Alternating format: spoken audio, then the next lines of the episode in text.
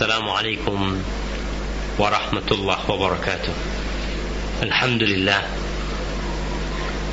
الذي بنعمته تتم الصالحات Segala puji bagi Allah Jalla Jalaluh Yang karena nikmatnya kebaikan-kebaikan menjadi sempurna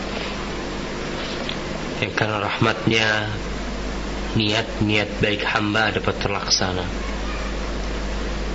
Semua kebaikan Yang dapat kita perbuat. Semua ibadah yang dapat kita lakukan. Segala kebajikan yang bisa kita laksanakan. Pada hakikatnya adalah murni pemberian Allah dan taufik darinya. Sehingga dialah yang pantas dipuja yang layak disanjung جل في علاه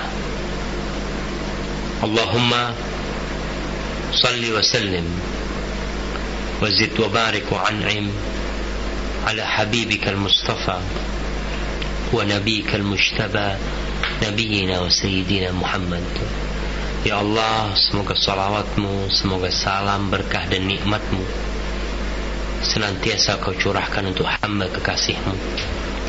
Untuk baginda Nabi kita Muhammad sallallahu alaihi wasallam yang Allah utus sebagai rahmatan lil alamin. Bukan hanya untuk kaum muslimin tapi untuk seluruh umat manusia dan segala ciptaan Allah Nabi kita diutus sebagai rahmat.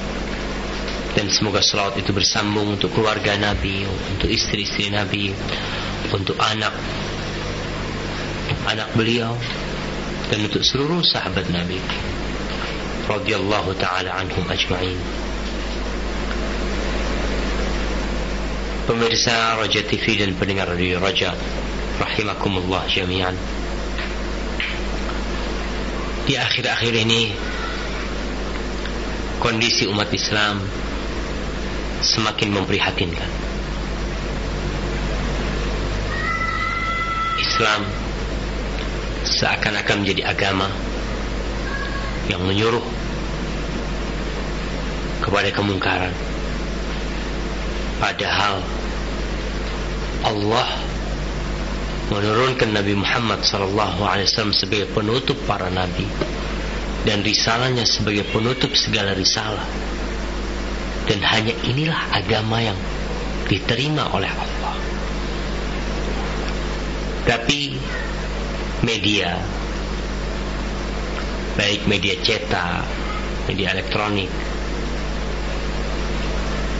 terus berusaha memojokkan Islam Allah Jalla Jalla sudah menyebutkan dahulu tentang usaha musuh-musuh Islam ni. Yuriduna Allah biafwahim.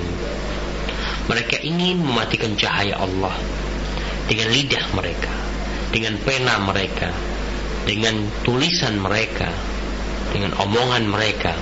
Tapi Allah tetap akan menyempurnakan agamanya. Bagaimana umat Islam harus bertindak dan bersikap? kita harus memperbaiki diri. Kita harus menata hati, mengkaji dan mengaji. Kenapa kok kondisi umat Islam seperti ini? Tidak di negeri orang, di negeri sendiri pun. Banyak hal-hal yang memprihatinkan yang menimpa umat Islam. Al-Imam Bukhari dalam kitabnya Al-Adabul Mufrad di bab 138 beliau mengatakan babun husnul khuluqi idza faqih bab berkaitan dengan akhlak yang mulia. Apabila mereka mengerti agama. Jadi memang dalam kehidupan ini ada orang yang bawaan lahirnya kalem lembut murah senyum. Ada kita lihat seperti itu. Tapi terkadang orang itu nggak sholat. Akhlaknya baik sama orang tua baik sama tetangga masya Allah. Tapi ketika dia tidak sholat apa gunanya oke dia akan mendapatkan balasan dari akhlak mulia dia di dunia nih orang akan mencintai dia, menghormati dia. Tapi kalau dia tidak sholat, tidak memberikan hak pencipta dia, maka pada hakikatnya dia berakhlak buruk. Maka belajar agama, ngaji, itu seharusnya menjadi faktor pendorong hamba semakin baik akhlaknya. Karena dia ngerti bahwa orang yang berakhlak mulia itu adalah kekasih Allah yang dekat sama Rasul SAW sehingga akan termotivasi nih hamba untuk jadi lebih baik. Jangan sampai nih teman-teman yang udah ngaji, udah belajar, udah banyak hafalan Qur'annya, tambah hafalan hadisnya, sholat sunnahnya rutin, tekun. Jangan sampai ternyata akhlak dia buruk. Al-Imam Bukhari menyebutkan beberapa hadis yang patut untuk direnungkan bersama. Saya, antum semua yang lagi di sana, perlu kita. Kita nih masuk yang mana sih? Kita muslim nah. Kita melaksanakan Islam Alhamdulillah. Tapi bagaimana kondisi kita dalam berperilaku dengan manusia? Al-Imam Bukhari menyebutkan hadis pertama dalam bab ini. Qala haddathana Ali bin Abdullah bin Abdullah Qala haddathana Al-Fudail bin Sulaiman Al-Numairi عن صالح بن خوات بن جبير. عن محمد بن يحيى بن حبان عن أبي صالح. عن أبي هريرة قال قال رسول الله صلى الله عليه وسلم إن الرجل لا يدرك بحسن خلقه درجة القائم بالليل. Dalam riwayat lain disebutkan darajat as-saimil qaim Imam Bukhari mengatakan telah mengajarkan kepada kami Ali bin Abdullah. Dia berkata telah mengajarkan kepada kami Fudail bin Sulaiman al-Numairi dari Saleh bin Khawat bin Jubair dari Muhammad bin Yahya bin Hibban dari Abu Saleh dari Abu Hurairah radhiyallahu taala anhu. Dia berkata telah bersabda Rasulullah sallallahu alaihi wasallam inna rajula la yudriku bi husni khuluqihi darajatal qa'im bil lail sesungguhnya seseorang itu bisa mencapai tingkatan orang yang sholat malam yang senantiasa tahajud qiyamul lail karena akhlak mulianya.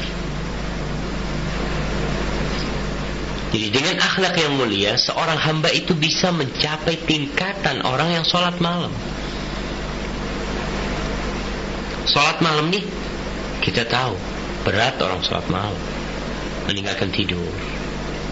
Tapi dengan akhlak yang mulia seorang muslim yang gak sholat malam nih dia bisa mencapai derajat tingkatan orang yang sholat malam. Bagaimana kalau dia berakhlak mulia plus sholat malam? Dengan dia memiliki ilmu dia tahu tentang ternyata penduduk surga itu kerjanya tatajafa junubuhum anil madaji. Kalau malam hari samping badannya itu jauh dari tempat tidur. Berdoa memohon kepada Allah. Plus ilmu yang dimiliki tentang bagaimana mendekatkan diri kepada sang pencipta ditambah sholat malam dia. Dan akhlak yang mulia tadi yang kita katakan maka dapat mencapai hal yang seperti itu. Pernah ada dua anak yang lagi merawat ibundanya.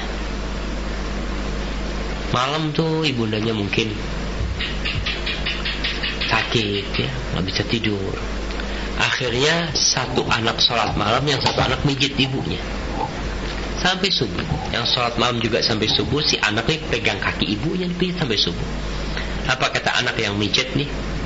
Kata dia, aku nggak mau. Malamku tadi malam tuh digantikan dengan malam saudaraku yang sholat malam. Ma uridu anna lailati bi lailati akhi. Ditukar tuh ya, pahalanya dia mijit kaki ibunya sama pahala tuh sholat malam. Enggak, aku lebih suka aku mijit ibundaku. Kenapa? Karena akhlak yang mulia, apalagi berkaitan dengan orang tua, itu adalah perintah yang sangat agung. Bahkan orang yang sedang sholat sunnah, kalau dipanggil sama abahnya, sama ibunya, itu dia boleh tuh putus sholatnya untuk menjawab panggilan orang tua. Akhlak begitu mulianya. Bahkan Allah memerintahkan seseorang itu untuk menghormati kedua orang tua. Jadi seorang yang belajar agama maka dituntut untuk lebih berakhlak mulia. Dan seorang yang berakhlak mulia dia juga diperintahkan untuk belajar agama. Karena ingat dengan hadis Rasul sallallahu alaihi wasallam tentang apabila ada orang yang meminang putri kita, idza ja'akum man tardawna dinahu wa khuluquhu. Kalau datang meminang putri kalian orang yang agama dan akhlaknya baik. Ada orang yang akhlaknya baik, menghormati wanita, menghormati orang tua, tapi sayangnya dia nggak sholat. Subhanallah, nggak ngerti agama. Ada orang yang sholat, yang ke masjid, ikut kajian, tapi ngomongnya kasar. Juga nggak baik untuk dijadikan menantu. Maka belajar agama sambil berakhlak mulia. Terus kita berusaha untuk merubah akhlak kita. Kemudian hadis yang selanjutnya. Al-Imam Bukhari mengatakan قال حدثنا حجاج بن منهال قال حدثنا حماد بن سلمة عن محمد بن زياد قال سمعت أبا هريرة رضي الله تعالى عنه يقول Aku mendengar Abu Hurairah radhiyallahu taala anhu berkata, kata Muhammad bin Ziyad, Sami'tu Abul Qasim sallallahu alaihi wasallam yaqul Aku mendengar Abu Qasim. Qasim ini anaknya Nabi sallallahu alaihi wasallam. Disebutkan dia anak lelaki pertama kemudian meninggal. Maka Nabi alaihi salatu wasallam berkunyah dengan nama anaknya ini. Apa kata Rasul SAW khairukum islaman ahasinukum akhlaqan idza faqu. Khairukum islaman orang Islam yang paling baik di antara kita. Yang Islamnya paling baik adalah orang yang paling baik akhlaknya. Muslim yang paling baik bukan Muslim yang banyak sholatnya. Muslim yang paling baik bukan Muslim yang banyak puasanya. Tapi yang paling baik akhlaknya plus ila fakuh. Kalau kalau dia ngerti agama, belajar agama, ilmu ini penghias diri seseorang. Al-ilmu yarfa'u buyutan la imada lahu wal jahlu yahdimu baital izzi wa syarafi. Kata orang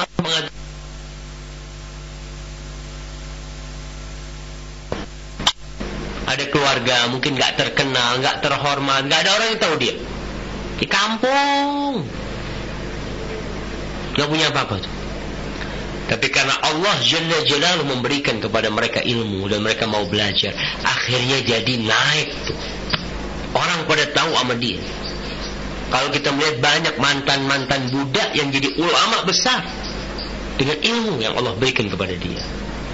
Wal jahlu dan kebodohan itu bisa menghancurkan rumah orang yang ya orang yang terhormat gara-gara bodoh habis. Maka siapa muslim yang paling baik? Muslim yang paling baik adalah yang paling baik akhlaknya, yang paling indah perilakunya, plus dia itu orang yang ngerti agama. Maka ini tuntutan besar kepada kaum muslimin, khususnya kepada para pendakwah, kepada para ustadz, kepada para santri, orang-orang yang belajar agama nih, agar mereka memperbaiki akhlaknya. Udah ilmunya alhamdulillah udah dia pelajarin udah dia hafalin.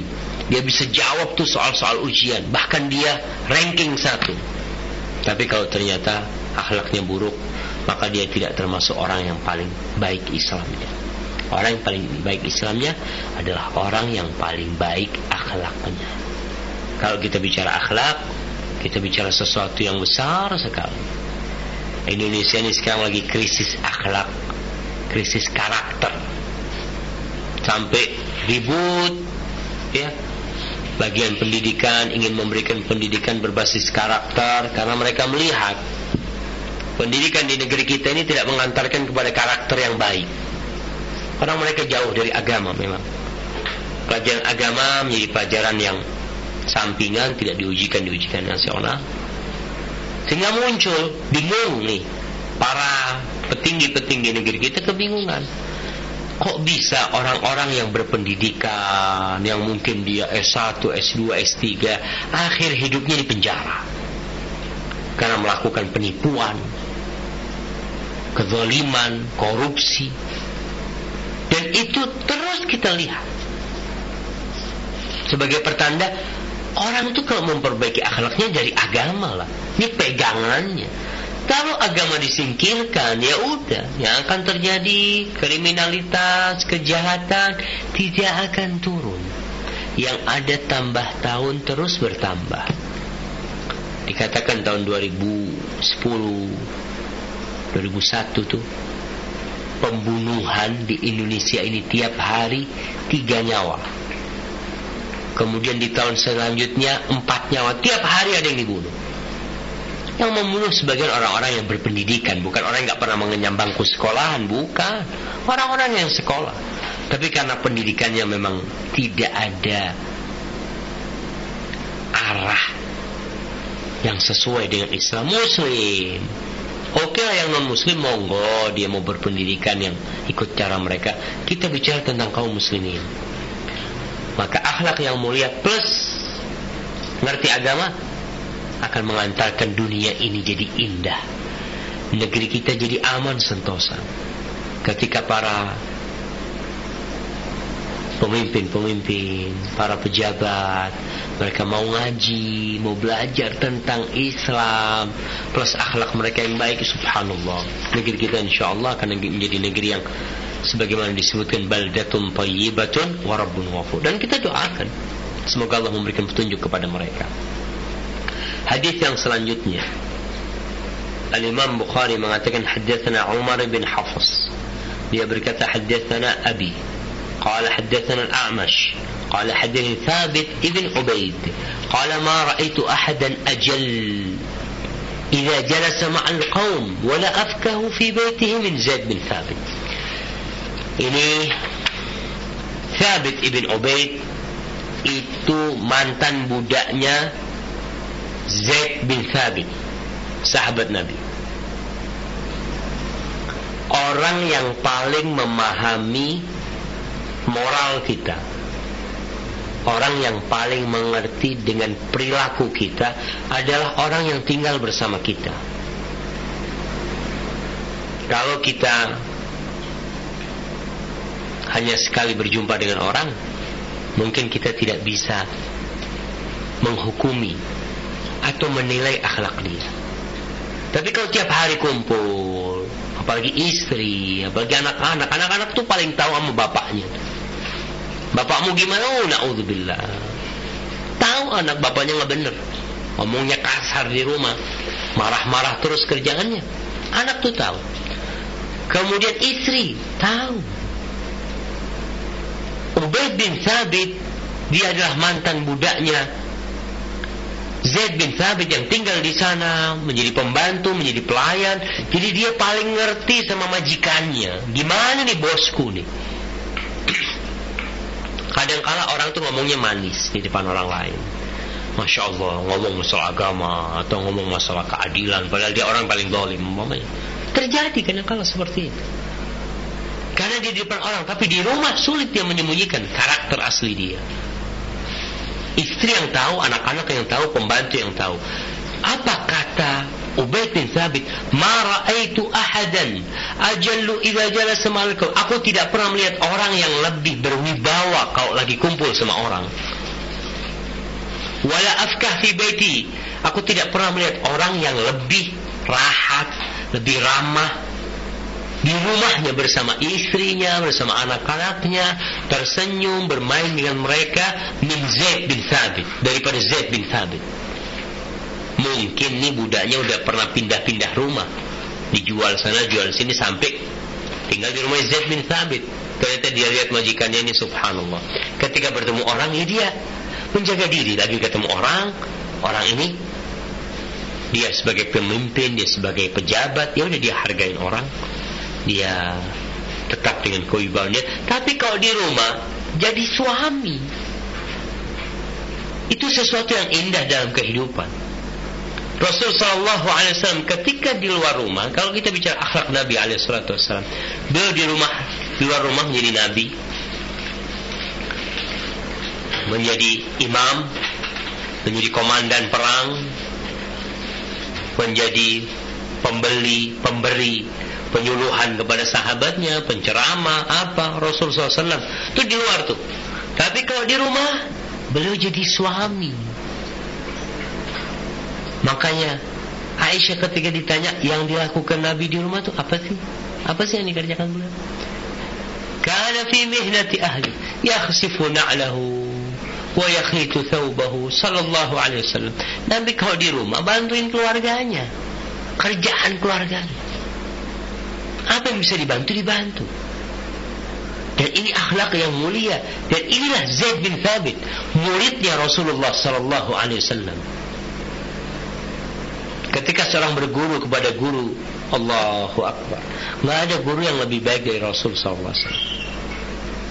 Maka di sini Zaid dapat menyerap akhlak Rasul SAW dan dia praktekkan. Kayak kita nih belajar, kita baca nih Zaid bin Thabit. Bukan sekedar buat wawasan, oh Masya Allah ya, Anda tahu, Anda ngerti, Anda paham. Ini ilmu ini perlu diamalkan. Kalau enggak bakal jadi balak buat kita, jadi petaka buat kita. Maka seorang suami kalau pulang ke rumah jadilah suami. Ada orang yang mengatakan, oh rejal, lelaki itu nggak boleh masuk dapur. Emangnya masuk mana tuh laki-laki itu? Rasul Shallallahu Alaihi Wasallam merah kambingnya sendiri. Shallallahu Alaihi Wasallam. Timbanya rusak beliau jahit sendiri. Shallallahu Alaihi Wasallam. Itu Nabi Alaihissalam tidak mengatakan itu pekerjaan perempuan. Oke, itu pekerjaan perempuan. Tapi kau sebagai kepala rumah tangga, kau sebagai pemimpin, bantuin. Laung kita kalau di luar ada orang lagi ya ngangkat sesuatu berat, kita bantuin. Karena masa kesian dia. Bagaimana dengan istri kita yang Allah Jalla Jalla mengatakan bainakum mawaddatan wa rahmah. Dan Allah jadikan di antara kalian mawaddah, cinta, rahmat, kasih sayang. Apa kau nggak kasihan tuh istrimu capek? Zaid, subhanallah di rumah jadi bapak buat anak-anaknya. Main sama mereka bergurau dengan mereka. Nggak jaim. Ada suami-suami masuk rumah jaim jaga image. Bos istrinya manggil oh, kalau dia seorang bos dia bos minta apa bos kalau istri suaminya seorang jenderal panggil di rumahnya komandan minta teh apa kopi ini ya nggak seperti itu suaminya ustad Ustaz Syafiq Masa istrinya di rumah manggil Ustaz Syafiq? Hingga benar lah. Ustaz tuh iya ceramah nih sekarang di rumah suami. Panggil dengan panggilan-panggilan yang membuat membuat dinding pemisah itu jadi hancur. Karena hunna libasul lakum wa antum libasul lahunna. Perempuan itu pakaian buat kalian, kalian pakaian buat mereka. Harus melebur di rumah itu. Karena namanya ya baiti jannatilah belajar dari Zaid bin Thabit. Zaid belajar dari siapa? Dari Muhammad sallallahu alaihi wasallam. Terus kita mau ikut siapa? Kita mau baca tuh buku-buku bagaimana bergaul dengan orang, cara memberikan membangkitkan keharmonisan rumah tangga lewat buku-bukunya orang-orang kafir. Ini di Islam nih. Nabi itu sempurna. Ada seorang yang mengarang buku berbagai macam tentang hidup bahagia, cara bergaul dengan orang. Akhir hidupnya bunuh diri. Karena laisa mukminan, karena dia nggak beriman. Kita sebagai mukmin belajar nih, akhlak yang mulia. Dalam artian Zaid bin Thabit bagaimana bisa merubah akhlaknya? Dia belajar, dia termasuk penulis wahyu, yang ngaji. Orang semakin dekat sama Allah, semakin banyak ilmunya, harapannya akhlaknya lebih baik. Tapi terkadang Allah Akbar, Allah musta'an. Yang selanjutnya. قال الإمام بخاري حدثنا صدقة. قال أخبرنا يزيد بن هارون عن محمد بن إسحاق عن داود بن حسين عن إكرمة. مولى ابن عباس رضي الله تعالى عنه. عن ابن عباس رضي الله تعالى عنه. قال سئل النبي صلى الله عليه وسلم أي الأديان أحب إلى الله عز وجل؟ Nabi Alaihissalam kata Ibnu Abbas pernah ditanya agama apakah yang paling dicintai Allah? Ajaran agama manakah yang paling disukai sama Allah Jalla Jalal Qala al-hanifiyatu samha yang paling dicintai Allah adalah Hanifiyah agama lurus yang mengajarkan kepada tauhid. Yang mengajak manusia meninggalkan segala kesyirikan lalu memurnikan ibadah hanya untuk sang pencipta. La ilaha illallah as-samha. As-samha yang mudah yang tidak memberatkan. Dan agama Islam ma yuridullah liyaj'ala alaikum fid din min haraj. Allah itu tidak mau memberikan beban kepada ajaran Islam nih makanya kita belajar nih Gimana kita tahu ajaran-ajaran Islam yang sebenarnya? Karena banyak ajaran Islam yang sudah dibungkus, bukan dibungkus. Ada ajaran-ajaran yang bukan dari Islam tapi dibungkus dengan Islam. Apakah dia jadi ajaran Islam? Enggak. Bahkan ada hal-hal yang memberatkan umat sebenarnya bukan dari Islam. Ah, kita lihat banyak tradisi-tradisi yang dibikin oleh orang-orang terdahulu mungkin yang akhirnya memberatkan diri seorang hamba. Agama Islam agama yang mudah. Terkadang kita lihat ada orang, ya kalau kita bicara kemudahan, Rasul Sallallahu Alaihi Wasallam itu tidak pernah dikasih dua pilihan, kecuali beliau akan memilih yang mudah, selama bukan dosa. Bicara masalah walimah, walimah nikah, ini orang pada ribut walimah, keluar duit besar-besaran, ratusan juta. Buat apa? Kau memberatkan dirimu sendiri. Kalau bisa dengan yang mudah, kenapa kau beratkan? Tapi kan nggak apa-apa Ustaz. Dia sudah. Kalau kau mau melaksanakan itu. Tapi Rasul Sallallahu Alaihi Wasallam mengatakan, Inna min yumnil mar'ah taisiru mahriha atau sodaqiha wa taisiru rahimnya. Termasuk dari barokahnya seorang perempuan itu maharnya mudah, nggak terlalu memberatkan seperti itu. Dan agama yang paling dicintai Allah itu yang paling mudah ajarannya. Ini Islam, agama yang paling mudah. Kita ajarkan kepada umat Islam supaya ngerti nih agama Islam. Salat, nggak bisa berdiri ya duduk, nggak bisa duduk rebahan, nggak bisa rebahan ya udah, bagaimana dia bisanya? Kalau nggak bisa ya disolatin. Bayangkan sampai mati masih disolatin nggak bisa wudhu tayamum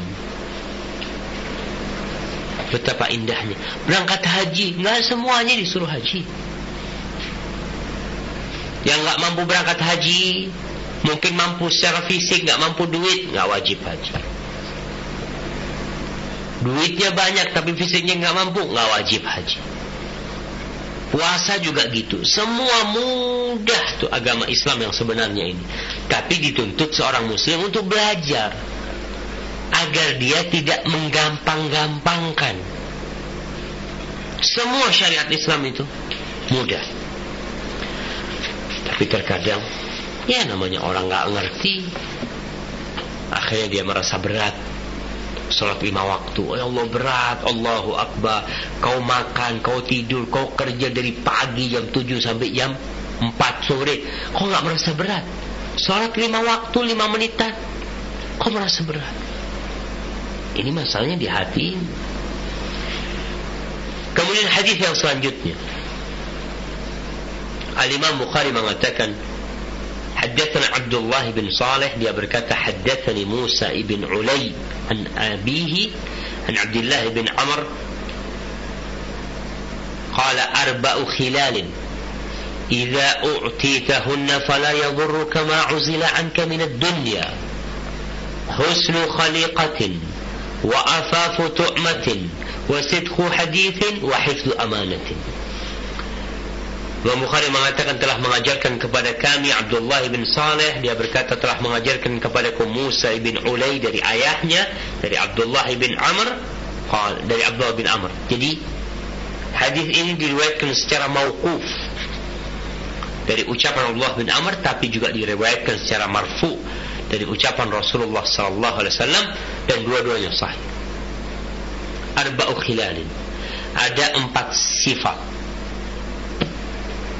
Kalau engkau dikaruniai empat hal ini empat sifat ini fala yadhurruka ma uzila anka minad dunya maka tidak akan membahayakan dirimu segala sesuatu dari dunia yang tidak kau dapatkan asalkan kau dapat empat hal apa nih empat hal empat hal kalau ada di diri kita yang lainnya nggak punya nggak apa-apa Catat. Yang pertama, husnu khaliqatin. Akhlak yang mulia.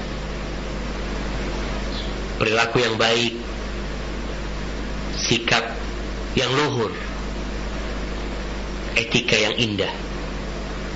Menghargai orang tua. Menyayangi yang muda. Suka berbagi. Suka tersenyum. Akhlak yang mulia. Kau kalau punya ahlak mulia yang pertama nih, oh, itu harta. Itu modal hidup kita, akhlak yang mulia.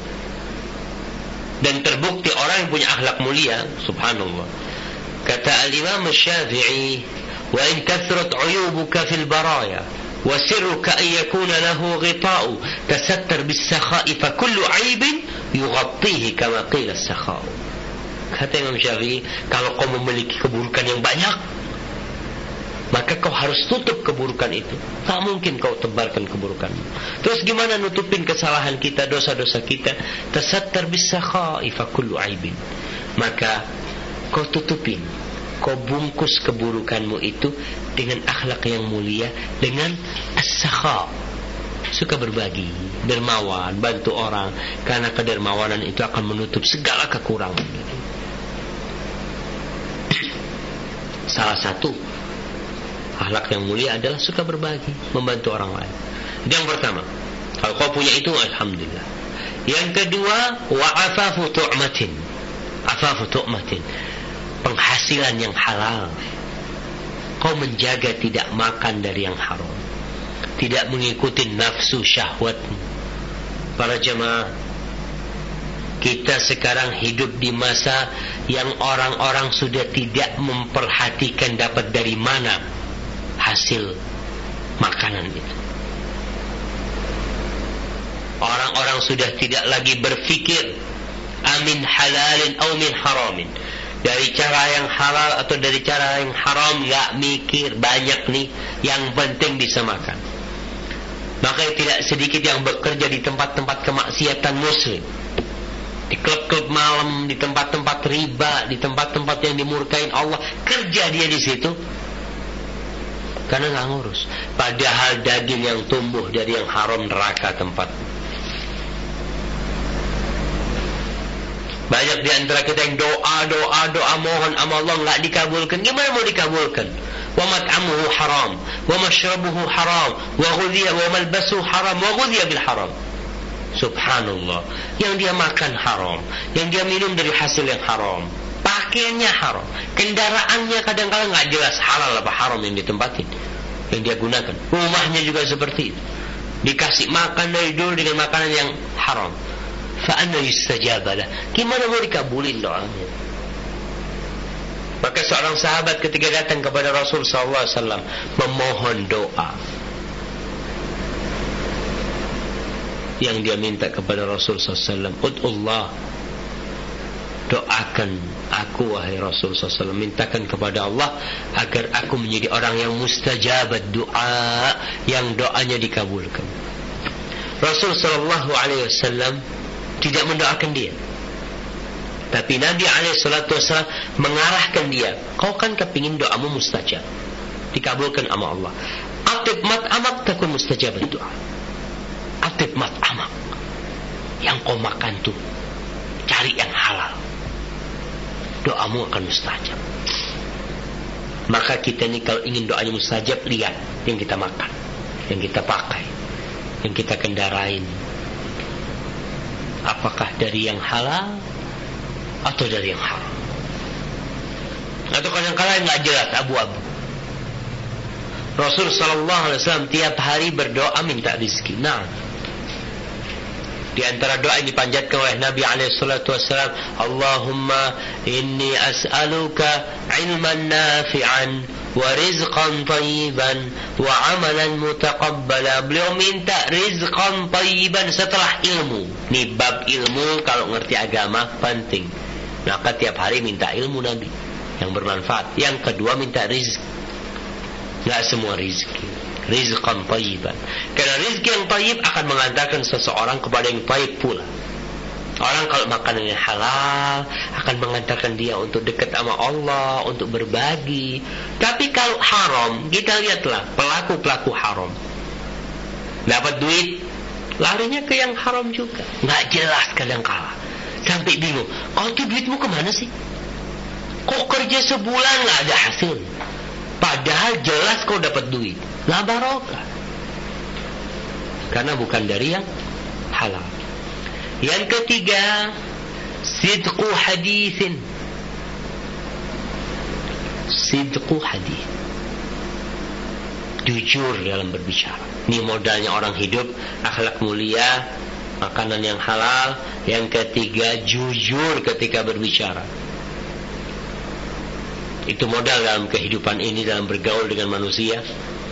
Rasul sallallahu alaihi wasallam mengatakan alaikum bisidqi fa inna sidqa yahdi ila albir. Kalian wajib jujur dalam berbicara, dalam berbuat. Karena kejujuran itu mengantarkan kepada bir, kepada amal kebajikan. Orang yang jujur, insya Allah jalannya lempeng tuh. Lurus tuh jalannya. Tambah banyak kebaikan yang bisa dia dapatkan. Wa innal birra yahdi ila jannah. Kebaikan itu akan mengantarkan kepada surga. Awalnya dari jujur. Akhirnya dia berbuat baik. Setelah berbuat baik Allah buka jalan menuju surga. Wala yazalur rajulu yasduqu wa yataharra sidqa hatta yuktaba 'inda Allah siddiqan. Ada orang yang terus berusaha untuk jujur. Ya awalnya mungkin berat jujur, suka bohong. Kalau jujur nggak dapat, apalagi pedagang tuh. Kadang aduh Ustaz, kalau jujur nggak laku Ustaz. Subhanallah. Dari mana kau tahu? Kalau jujur nggak laku, oke nggak laku sama orang ini. Tapi nanti orang itu akan mikir, subhanallah fulan jujur dia. Barang yang dijual katanya nggak asli, dia ngomong nggak asli. Datang lagi dia. Aku mau beli. Jujur. Orang itu terus berusaha jujur hatta yuktaba indallah siddiqan. Akhirnya orang ini distempel. Distempel menjadi orang yang jujur. Siddiq. Abu Bakar Siddiq radhiyallahu taala dan makam siddiqiyah orang-orang yang seperti ini subhanallah. Makam yang tinggi sekali. Awalnya dari lisan. Maka jangan sampai ya kalau kita dulu pernah bohong pernah ngomong nggak benar banyak-banyak istighfar. Apalagi kita sampai nipu ya banyak-banyak istighfar dan kembalikan tuh barang yang ditipu. Yang keempat wahifdu amanatin menjaga amanah. Kalau bicara amanat Allahu Akbar. Empat hal. Akhlak mulia Makanan yang halal Jujur dalam berbicara Yang keempat menjaga amanat. Pertama yang hilang dari umat ini adalah amanah. Kita punya duit mau invest Mau bagi hasil Sulit cari orang yang amanah. Cari teman-teman yang amanat ya Anak ingat dulu di Madinah nih teman-teman pada punya duit ya dikasih sama kampus kan? Kita tiap bulan ada yang nawarin gimana tuh kalau duit kita putar? Dulu anda masih ingat ada rencananya jualan bukan jualan nanem hmm, rotan. Iya rotan ya. Ada ingat sama ini? 10 juta teman-teman tuh beberapa ustadz tuh kasih itu Akhirnya modalnya hilang, untungnya pergi. Nggak ada modalnya. Cari orang amanat itu sulit sekarang memang. Dan kalau kita sudah bisa jaga amanat, masya Allah, hidup kita tentram. Karena tanda-tanda orang munafik itu Ida tumina khan Kalau dikasih amanat dia berkhianat Dan di antara amanat Kalau ada orang ngomong sama kita nih Dia mau ngomong sama kita Lalu dia tolak-tolak Baru dia ngomong Ingat bahwa yang dia bicarakan adalah amanat Nggak boleh kita sebarin Lalu dia udah pelan-pelan ngomongnya Tolah-toleh Menoleh ke kanan dan ke kiri karena takut ada orang yang mau mendengarkan. Jadi ini jamaah, berusaha kita minta. Kita berusaha minta husnul khaliqah. Doa. Ya Allah, Allah mahdini li akhlak. Wa afafatuma minta rizki yang halal sama Allah. Di antara doa yang diajarkan oleh Nabi alaihi salatu wassalam, Allahumma kfini bihalalika an haramik wa aghnini bifadlika amman siwak. Itu doa Nabi ajarkan diriwayatkan oleh Ali bin Abi Thalib kalau seorang memiliki hutang sebesar gunung Thabir dia baca doa ini Allahumma kfini bihalalika an haramika wa aghnini bifadlika amman siwak qadallahu anhu. Ya Allah cukupkan aku dengan yang halal darimu supaya aku tidak butuh dengan yang haram. Dan cukupkan aku dengan karuniamu supaya aku nggak minta-minta sama manusia. Jadi kalau bicara minta yang halal, minta semua. Jangan cuma minta rezeki, minta rezeki, minta rezeki yang berkualitas, yang halal, yang tayyib. Karena barokah jadi.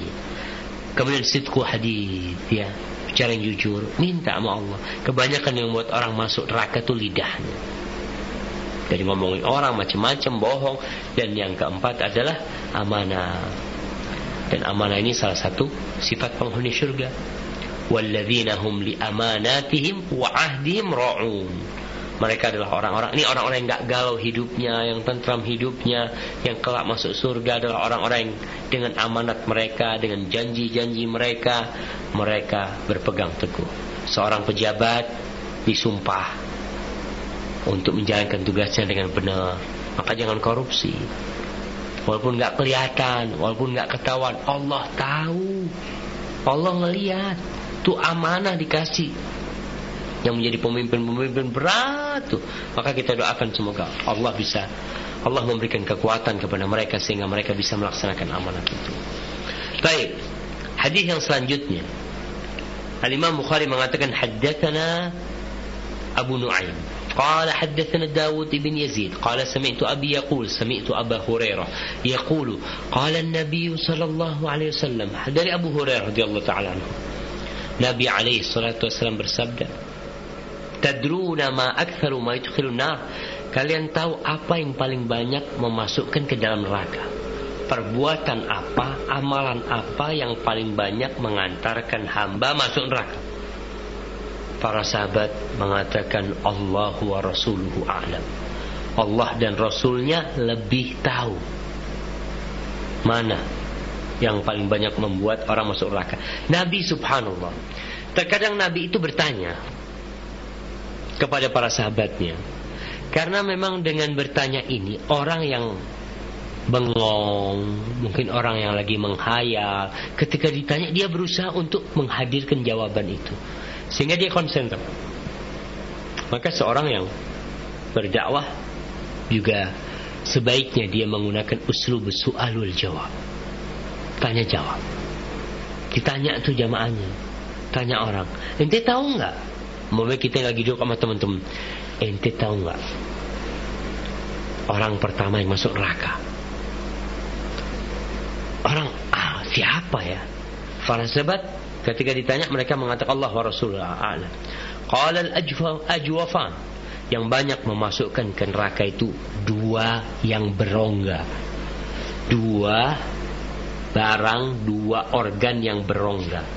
Al farju wal fam yang pertama adalah kemaluan yang kedua adalah mulut. Orang tuh Allah kadang-kala dia mengikuti nafsu. Berzina ini itu naudzubillah nggak bisa jaga kemaluannya. Wal fam mulutnya. Ada sebagian orang yang takallamu bi kalimatin la yulqi laha bala. Ngomong omongan yang Dia nggak urusan sama omongan itu. Dengan omongan itu dia masuk ke dalam neraka jahanam. Maka tolong kalau mau berbicara difikir dulu. Kira-kira yang anak omongkan ini benar nggak? Berkaitan dengan kemaluan. Bagaimana menjaga kemaluan? Kalau ternyata itu yang banyak memasukkan ke dalam neraka. Menikah. Yang anak-anak muda. Jauhi pergaulan bebas. Tundukkan pandangan. Dekatkan diri ke Allah. Insya Allah Allah jaga. Tapi kalau kita pergaulan bebas, cewek, cowok, jalan bareng, naik motor bareng, ya udah. Maka nanti itu akan mewariskan akhlak yang buruk. Pemuda-pemuda yang kita lihat nggak nggak berbakti sama orang tuanya, durhaka sama gurunya, nggak baik sama tetangganya, kerjanya, ya mungkin ya kita lihatlah banyak pemuda sekarang. Maka karena tadi mengikuti nafsu syahwat yang banyak memasukkan ke neraka. Wa ma aktsaru ma yudkhilul jannah. Yang banyak memasukkan ke surga apa? Taqwallahi wa husnul khuluq. Yang banyak memasukkan ke surga itu taqwallah. Bertakwa kepada Allah dan berakhlak mulia. Dan dua hal ini harus mendampingi seorang muslim. Rasul sallallahu alaihi wasallam berkata kepada salah seorang sahabat yang mengatakan, "Ittaqillaha haitsu ma kunta." Bertakwalah kepada Allah di mana pun engkau berada. Wa atbi'is sayyi'atal hasanatan huha. Kalau kau terjerumus dalam perbuatan dosa, maka ikutilah dengan perbuatan baik karena perbuatan baik akan menghapuskan dosa. Takwa menjauhkan diri dari dosa. Terus yang kedua, wa khaliqin nasa khuluqin hasan dan pergaulilah manusia dengan cara dengan akhlak yang mulia. Di sini yang banyak memasukkan ke surga tuh takwa Allah dengan ilmu kita ngerti mana yang halal, mana yang haram, mana yang wajib, mana yang sunnah, mana yang ha yang makruh. Di situ kita tahu mana yang hak, mana yang batil. Kita bertakwa kepada Allah, belajar lagi. Wa husnul khuluq ya berakhlak mulia. Berusaha yang punya sifat-sifat buruk untuk diperbaiki. Jangan nunggu orang lain memperbaiki sikap kita. Kita ingin orang lain memperbaiki sikap kita, ya kita Allah Jalla Jalaluh mengatakan walladzina jahadu fina lanahdiyannahum subulana. Barang siapa dan orang-orang yang bersungguh-sungguh mencari hidayah di jalan kami, pasti kami kasih tahu dia, kasih petunjuk kepada dia jalan-jalan menuju kami yang sebenarnya. Wa inna Allah lama al muhsinin. Allah tuh bersama orang yang berbuat ihsan. Maka di sini seorang hamba harus berusaha memperbaiki akhlaknya kalau dia punya akhlak buruk. Dan kalau dia bodoh nggak punya ilmu nggak tahu apa-apa nggak tahu yang halal yang haram semua diterabas belajar. Karena takwa Allah nggak bakal bisa kita mencapai tingkatan takwa sampai kita belajar mengenal Allah. Karena yang takut kepada Allah. Innama yakhshallaha min ibadil ulama. Yang takut kepada Allah dari hamba-hambanya itu Hanya para ulama Hada yang itu yang bisa kita kaji pada kesempatan kali ini. Semoga bermanfaat. Kita kembalikan kepada yang ada di studio Roja. Falyatafaddal mashkuran ma'jur. Terima kasih kami ucapkan untuk Al Ustaz jazakumullahu khairan atas bahasan materi yang telah Ustaz sampaikan. Sangat bermanfaat bagi kita semua ikhwatal Islam pendengar dan pemirsa Roja. Untuk selanjutnya kita memasuki sesi interaktif untuk Anda yang akan bertanya silahkan di 0218236543 atau pesan singkat di 0819896543 dan tentunya kami berharap pertanyaan Anda berkesesuaian dengan tema bahasan yang Ustaz sampaikan. Silakan kami coba sapa yang pertama dari penelpon. Iya. Ya, silakan. Di Jawa Timur. Eh, mohon maaf, dengan siapa? Silakan. Ya silakan Ibu yang tadi di Jawa Timur Atau mungkin terputus Nah Kami berikan kesempatan kembali silakan 0218236543 Untuk Anda yang akan bertanya Silakan. Iya? Silakan. Halo Assalamualaikum. Waalaikumsalam warahmatullahi wabarakatuh. Silakan Ibu dari mana? Dari um, Almina Binong Ya, silakan Ibu di Cibinong, silakan ke pertanyaannya. Setelah saya menyelami salat, Saya sangat bersyukur dan berterima kasih untuk para ustadz di Roja yang dengan ikhlas membimbing hati saya berjalan ke ridho Allah Nah. dan memberikan ilmu agama untuk menuju akhirat. Nah, Kembali ke pertanyaan, bagaimana Pak bila atas seseorang yang dalam proses penjualan dan niatannya untuk amal. Tapi kita nggak tahu umur manusia, terus dia meninggal. Nah, setelah meninggal bisakah ahli warisnya melanjutkan niatan kita? Iya. Atas jawabannya saya ucapkan terima kasih. Assalamualaikum warahmatullahi wabarakatuh. Nah, terima kasih Ibu. Waalaikumsalam warahmatullahi wabarakatuh. Terima kasih untuk Ibu di Cibinong atas pertanyaannya. Kami persilahkan Ustaz.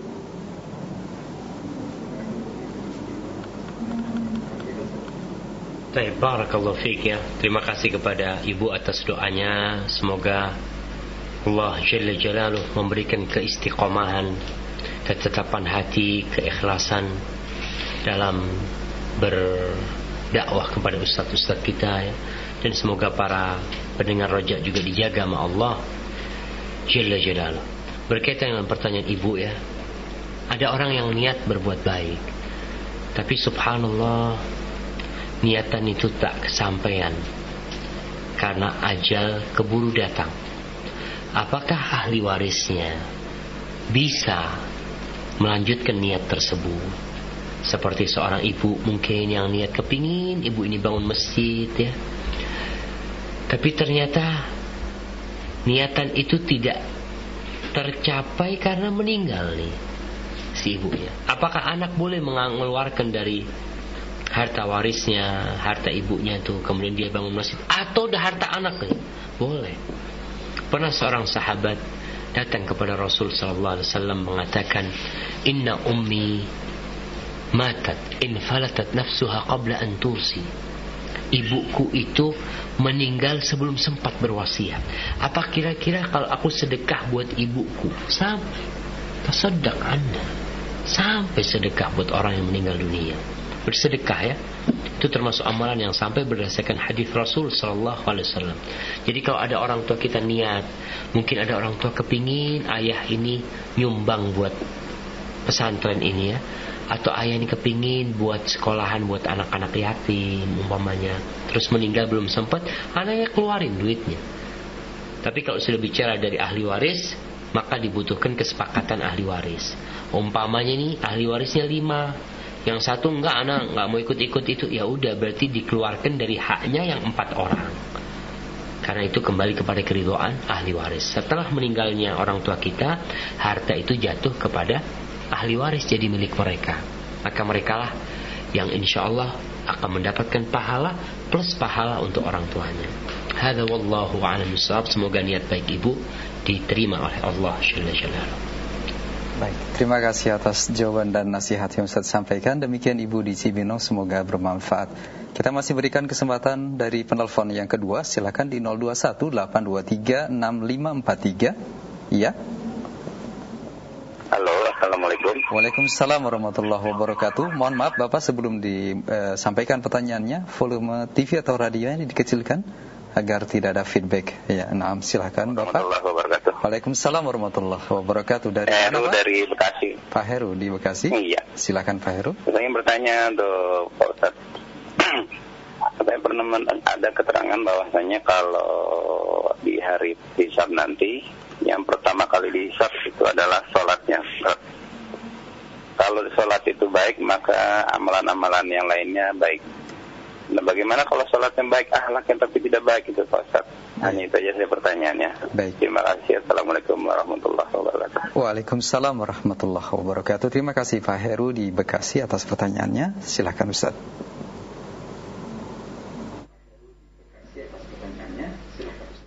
Subhanallah, nah Kelak pada hari kiamat Yang bakal dihisap itu sholatnya Bagaimana tadi pertanyaannya? Katanya kalau sholatnya baik Seluruh amalnya baik. Insya Allah iya.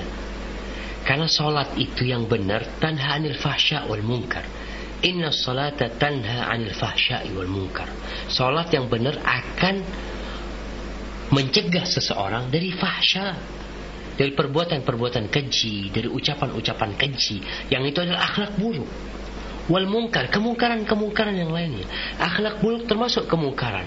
Jadi kalau orang sholatnya benar dari mulai dia Allahu Akbar ya. Kemudian ketika dia ruku subhana rabbiyal azim subhana rabbiyal a'la. Di situ sholat ini mengajarkan kepada seorang hamba berakhlak mulia. Kalau sholatnya benar, bukan kita bicara, ya dia sholat Ustaz, dia ke masjid, tapi benar enggak Allah yang tahu. Karena sholat ini bakal ditimbang nanti. Ada yang sholat kata Rasul Sallallahu Alaihi Wasallam cuma mendapatkan sepertiga sholatnya, cuma seperempat. Ada yang sepersepuluh, ada yang sholat nggak dapat apa-apa. Jadi kalau ada seorang muslim yang sholatnya udah benar tapi akhlaknya buruk, maka dia perlu introspeksi diri. Benar nggak sholat dia? Ketika Allah berbicara tentang Ara'aita alladhi yukadzibu biddin Apakah engkau tahu apa engkau melihat orang yang mendustakan agama? Siapa mereka? Fadzalika alladhi yad'ul yatim wa la yahuddu ala ta'amil miskin. Ini orang-orang kafir nih adalah orang-orang yang yad'ul yatim. Mereka menghardik anak yatim, gak perhatian sama anak yatim, buruk akhlaknya terhadap anak yatim, dan tidak mau berbagi kepada orang-orang miskin. Fawailul lil musallin dan celaka orang-orang yang sholat. Yang sholatnya ria, yang sholatnya. Tapi kalau sholatnya benar, benar nih ya. Dalam artian dia benar-benar menghadirkan kebesaran Allah di dirinya, maka insya Allah akhlaknya baik. Tapi kalau sekedar kita melihat dengan kasat mata, fulan sholat Ustaz, fulan Masya Allah, ke masjid. Tapi akhlaknya buruk. Nah, ini perlu dilihat sholatnya benar nggak dia. Jadi tetap yang akan dihisap pada hari kiamat yang pertama adalah sholatnya. Dan insya Allah kalau sholatnya benar, akhlaknya akan benar. Karena nanti akan ditimbang untuk melihat kualitas, bukan jumlah. Oke jumlahnya banyak, tapi bisa jadi ditimbangan ringan karena memang tidak berkualitas. Hada wallahu a'lam bissawab. Naam. Baik, terima kasih Ustaz atas jawaban dan nasihatnya. Demikian Pak Heru di Bekasi, semoga bermanfaat untuk kita semua. Kita akan pertanyaan Ustaz dari pesan singkat. Ada pertanyaan dari Ummu Harith di Ciansana yang juga ada kaitannya dengan pertanyaan Pak Heru tadi. Assalamualaikum warahmatullahi wabarakatuh. Ustadz, ketika ada dari seseorang yang sudah eh, berupaya untuk mengaji, kemudian semangat hadir di majelis ilmu, menghafal Al-Quran, sholat malam tidak pernah tertinggal, kemudian juga puasa Senin Kamis tidak pernah terlewat, namun di dalam uh, kesehariannya terlihat ada rasa angkuh dan selalu merasa benar serta suka berbohong ataupun mengambil hak orang lain. Dan sudah kita berupaya menasihatinya akan tetapi belum bisa berubah apa yang menyebabkan hal itu terjadi ya Ustadz dan bagaimana uh, kondisi orang tersebut dan bagaimana upaya kita untuk terhindar dari hal uh, keburukan tersebut Ustadz. Terima kasih atas jawaban dan nasihat Al Ustadz. Barakallahu subhanallah. Itu terjadi. Ada orang sholat malam, sedekah, puasa, tapi akhlaknya buruk Ingat dengan hadis Abu Hurairah radhiyallahu taala anhu riwayat Imam Tirmizi dan Ahmad. Ketika Rasul sallallahu alaihi wasallam ditanya tentang seorang wanita. Fulana taqumul lail wa tasumun nahar wa tatasaddaq walakinnaha salita tu'zi jirana Kata para sahabat katakan ada fulana perempuan Rasul salat malam nih perempuan Kemudian puasa sunnah. Ya dia juga zakat dia keluarkan tuh. Tapi pedes kalau ngomong suka nyakitin tetangganya. Apa kata Rasulullah SAW? Hiya finnar. Di neraka perempuan yang seperti ini. Di neraka tempatnya. Tapi ditanya perempuan lain yang sholatnya sholat fardu, puasanya puasa wajib, dia suka berbagi sama tetangganya, nggak pernah gaguin tetangganya. Hiya fil jannah. Para jamaah inna su'al khuluq dalam sebuah hadis dikatakan akhlak yang buruk itu bisa meryufsidul amal kama yufsidul khallul asal. Bisa merusak amalan seperti cuka yang merusak madu. Jadi kalau ada orang yang sudah sholatnya benar, hati-hati akhlak buruknya itu bakal merusak sholatnya dia. Maka dia paling tidak memperbaiki hatinya. Amalan yang paling mulia itu bukan amalan jawari, bukan amalan raga kita. Sholat, apa yang kelihatan dengan mata. Tapi amalan yang paling mulia adalah amalan hati kita. Bagaimana kita memperbaiki hati kita. Berusaha untuk mendekatkan diri kepada Allah. Jujur dalam berbuat, jujur dalam sholat kita. Jangan sampai sholat menjadi kedok aja. Sehingga bagaimana sekarang menghadapi orang yang seperti itu? Ya sampaikan kepada dia Tentang bagaimana perintah Rasul SAW Untuk bertakwa Untuk berakhlak mulia. Jangan sampai engkau dengan akhlakmu yang buruk Akhirnya hilang amalanmu. Katakan yang paling berat di timbangan adalah akhlak yang mulia. Karena tadi sebenarnya Akhlak ini adalah hasil dari iman Iman itu adalah qaulun wa amal. Ucapan, baik itu ucapan lisan, ucapan hati dan amal. Baik amalan hati atau amalan jawari. Dan Nabi SAW mengatakan akmalul mu'minina imanan ahsanuhum khuluqan. Orang mukmin yang paling sempurna imannya adalah yang paling baik akhlaknya. Jadi ada apa istilahnya? Ada hubungan yang sangat erat sekali antara iman yang berupa perkataan dan perbuatan dengan akhlak yang mulia. Sehingga seharusnya orang yang sholatnya benar akhlaknya benar. Tapi kalau ternyata dia sholat tapi akhlaknya nggak benar ah, yang salah bukan akhlaknya. Ditanya sholatnya gimana dia tuh? Udah benar nggak dia imannya? Benar nggak dia ikhlas lillahi ta'ala maka perlu pendekatan kepada orang yang seperti itu dan selalu saya didoakan ya. Katakan mungkin dia memiliki perilaku yang bawaan kasar atau suka nggak nyaman sama orang ya kita kasih tahu dia bagaimana dia uh, memperbaikinya dengan berusaha untuk lebih lembut untuk meninggalkan kebohongan macam-macam lah. Mungkin seperti itu ya. Sambil senantiasa didoakan. Wallahu a'lam bishawab Baik Ustaz, terima kasih atas jawaban dan nasihat yang Ustaz sampaikan. Kemudian eh, kita angkat pertanyaan eh, yang datang dari pertanyaan Bapak Erik di Pontianak. Ustaz tadi menjelaskan atau eh, sedikit mengulas tentang bahwa kita di dalam berinteraksi muamalah, dagang atau bekerja harus jujur ya Ustaz. Bagaimanakah sikap kita menghadapi eh, kondisi saat ini di mana masyarakat kita kebanyakan melakukan perdagangan uh, jauh dari kejujuran dan kita pun yang berusaha untuk jujur juga akan sedikit demi sedikit uh, terpengaruh oleh mereka bahkan juga dijauhi oleh mereka ya Ustaz. Bagaimana nasihat Ustaz untuk kami yang berupaya untuk hal ini? Terima kasih.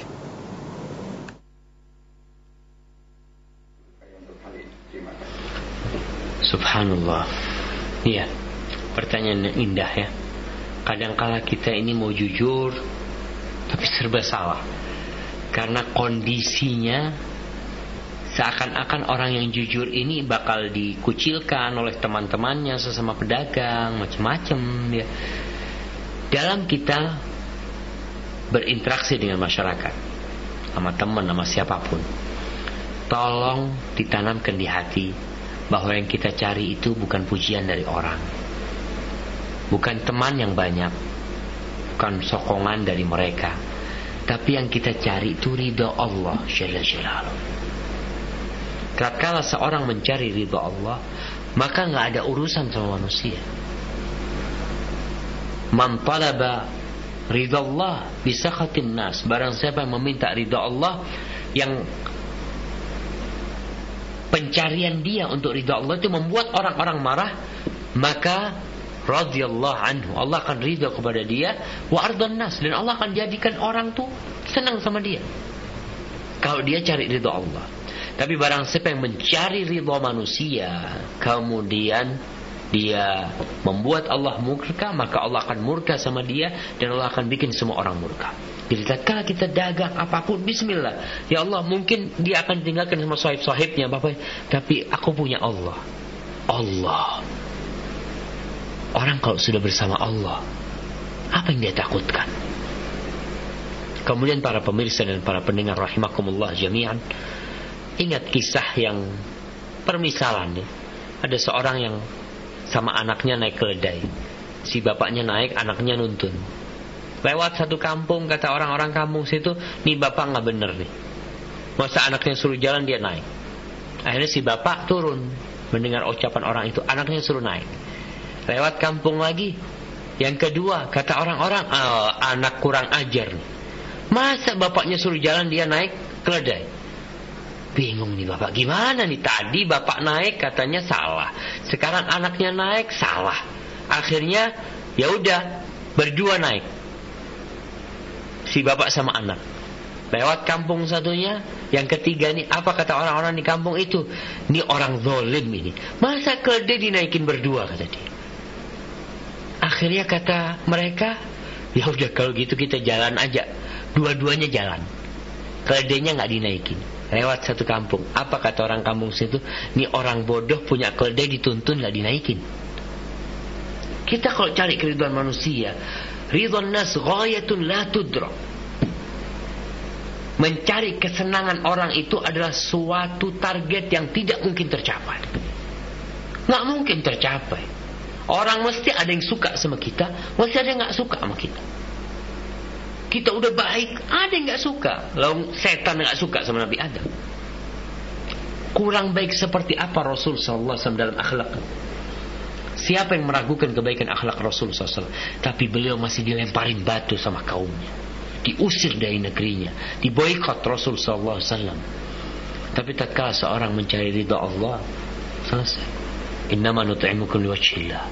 Aku berbuat untuk Allah. Namun dalam sistem yang memang sudah seperti ini dituntut kita bersabar. Inna min waraikum ayyam subur. Di belakang kalian tuh kata Rasul SAW ada hari-hari yang penuh kesabaran. Al-qabidu ala dinihi kal-qabidi ala al-jamr.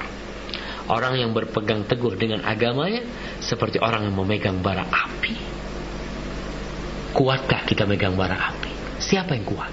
Akan terbakar tangannya tapi dia terus pegang atau dia lepas dia pegang lagi. Seperti itu. Dan orang yang beramal pada hari-hari penuh kesabaran ini akan mendapatkan pahala yang agung disebutkan dalam hadis itu mendapatkan pahala 50 dari sahabat Rasulullah SAW. Tapi siapa yang bisa jemaah? Ya kita berusaha. Bismillah. Terus kalau memang kita dijauhin sama teman-teman, cari teman-teman yang baik. Yang kita butuhkan bukan banyak teman. Yang kita butuhkan adalah teman-teman yang berkualitas yang mengantarkan kita kepada Allah Jalla Jalaluh. Hada wallahu a'lam Nah. Baik Ustaz, terima kasih atas jawaban dan nasihat yang disampaikan. Demikian untuk uh, penanya Bapak Erik di Pontianak dan uh, pertanyaan yang lain dari uh, pesan singkat yang berkesesuaian. Kita angkat pertanyaan berikutnya masih dari pesan singkat dari saudari Safa di Makassar, Sulawesi Selatan. Assalamualaikum warahmatullahi wabarakatuh. Ustaz, bagaimanakah sikap yang terbaik bagi seorang muslimah yang berupaya untuk berdakwah kepada keluarga dengan dakwah sunnah yang hingga saat ini masih belum diterima. Di antara syariat yang uh, orang tua uh, tidak terima adalah berupa acara walimah pernikahan yang syar'i di mana terpisah uh, antara undangan laki-laki dan perempuan. Bagaimanakah sikap yang terbaik bagi muslimah menghadapi problematika di antara keluarganya Ustaz? Terima kasih atas jawabannya. Subhanallah ya. Semoga ukhti yang bertanya dijaga oleh Allah Jalla Jalaluh. Kita udah belajar tuh bahwasanya ada empat perkara yang harus diketahui seorang muslim. Yang pertama ilmu belajar ngaji. Setelah itu amalkan. Setelah diamalkan, didakwahkan, disampaikan. Jangan sampai ilmu itu hanya berhenti di kita. Kemudian yang ketiga, sabar Kondisi ukti sudah sampai ke tingkatan yang ketiga. Dia mulai menyampaikan, mengajak keluarganya. Orang yang mengajak orang lain berbuat baik itu biasanya dimusuhin. Nabi-nabi aja dimusuhin. Nabi Nuh alaihissalam 950 tahun berdakwah dimusuhin.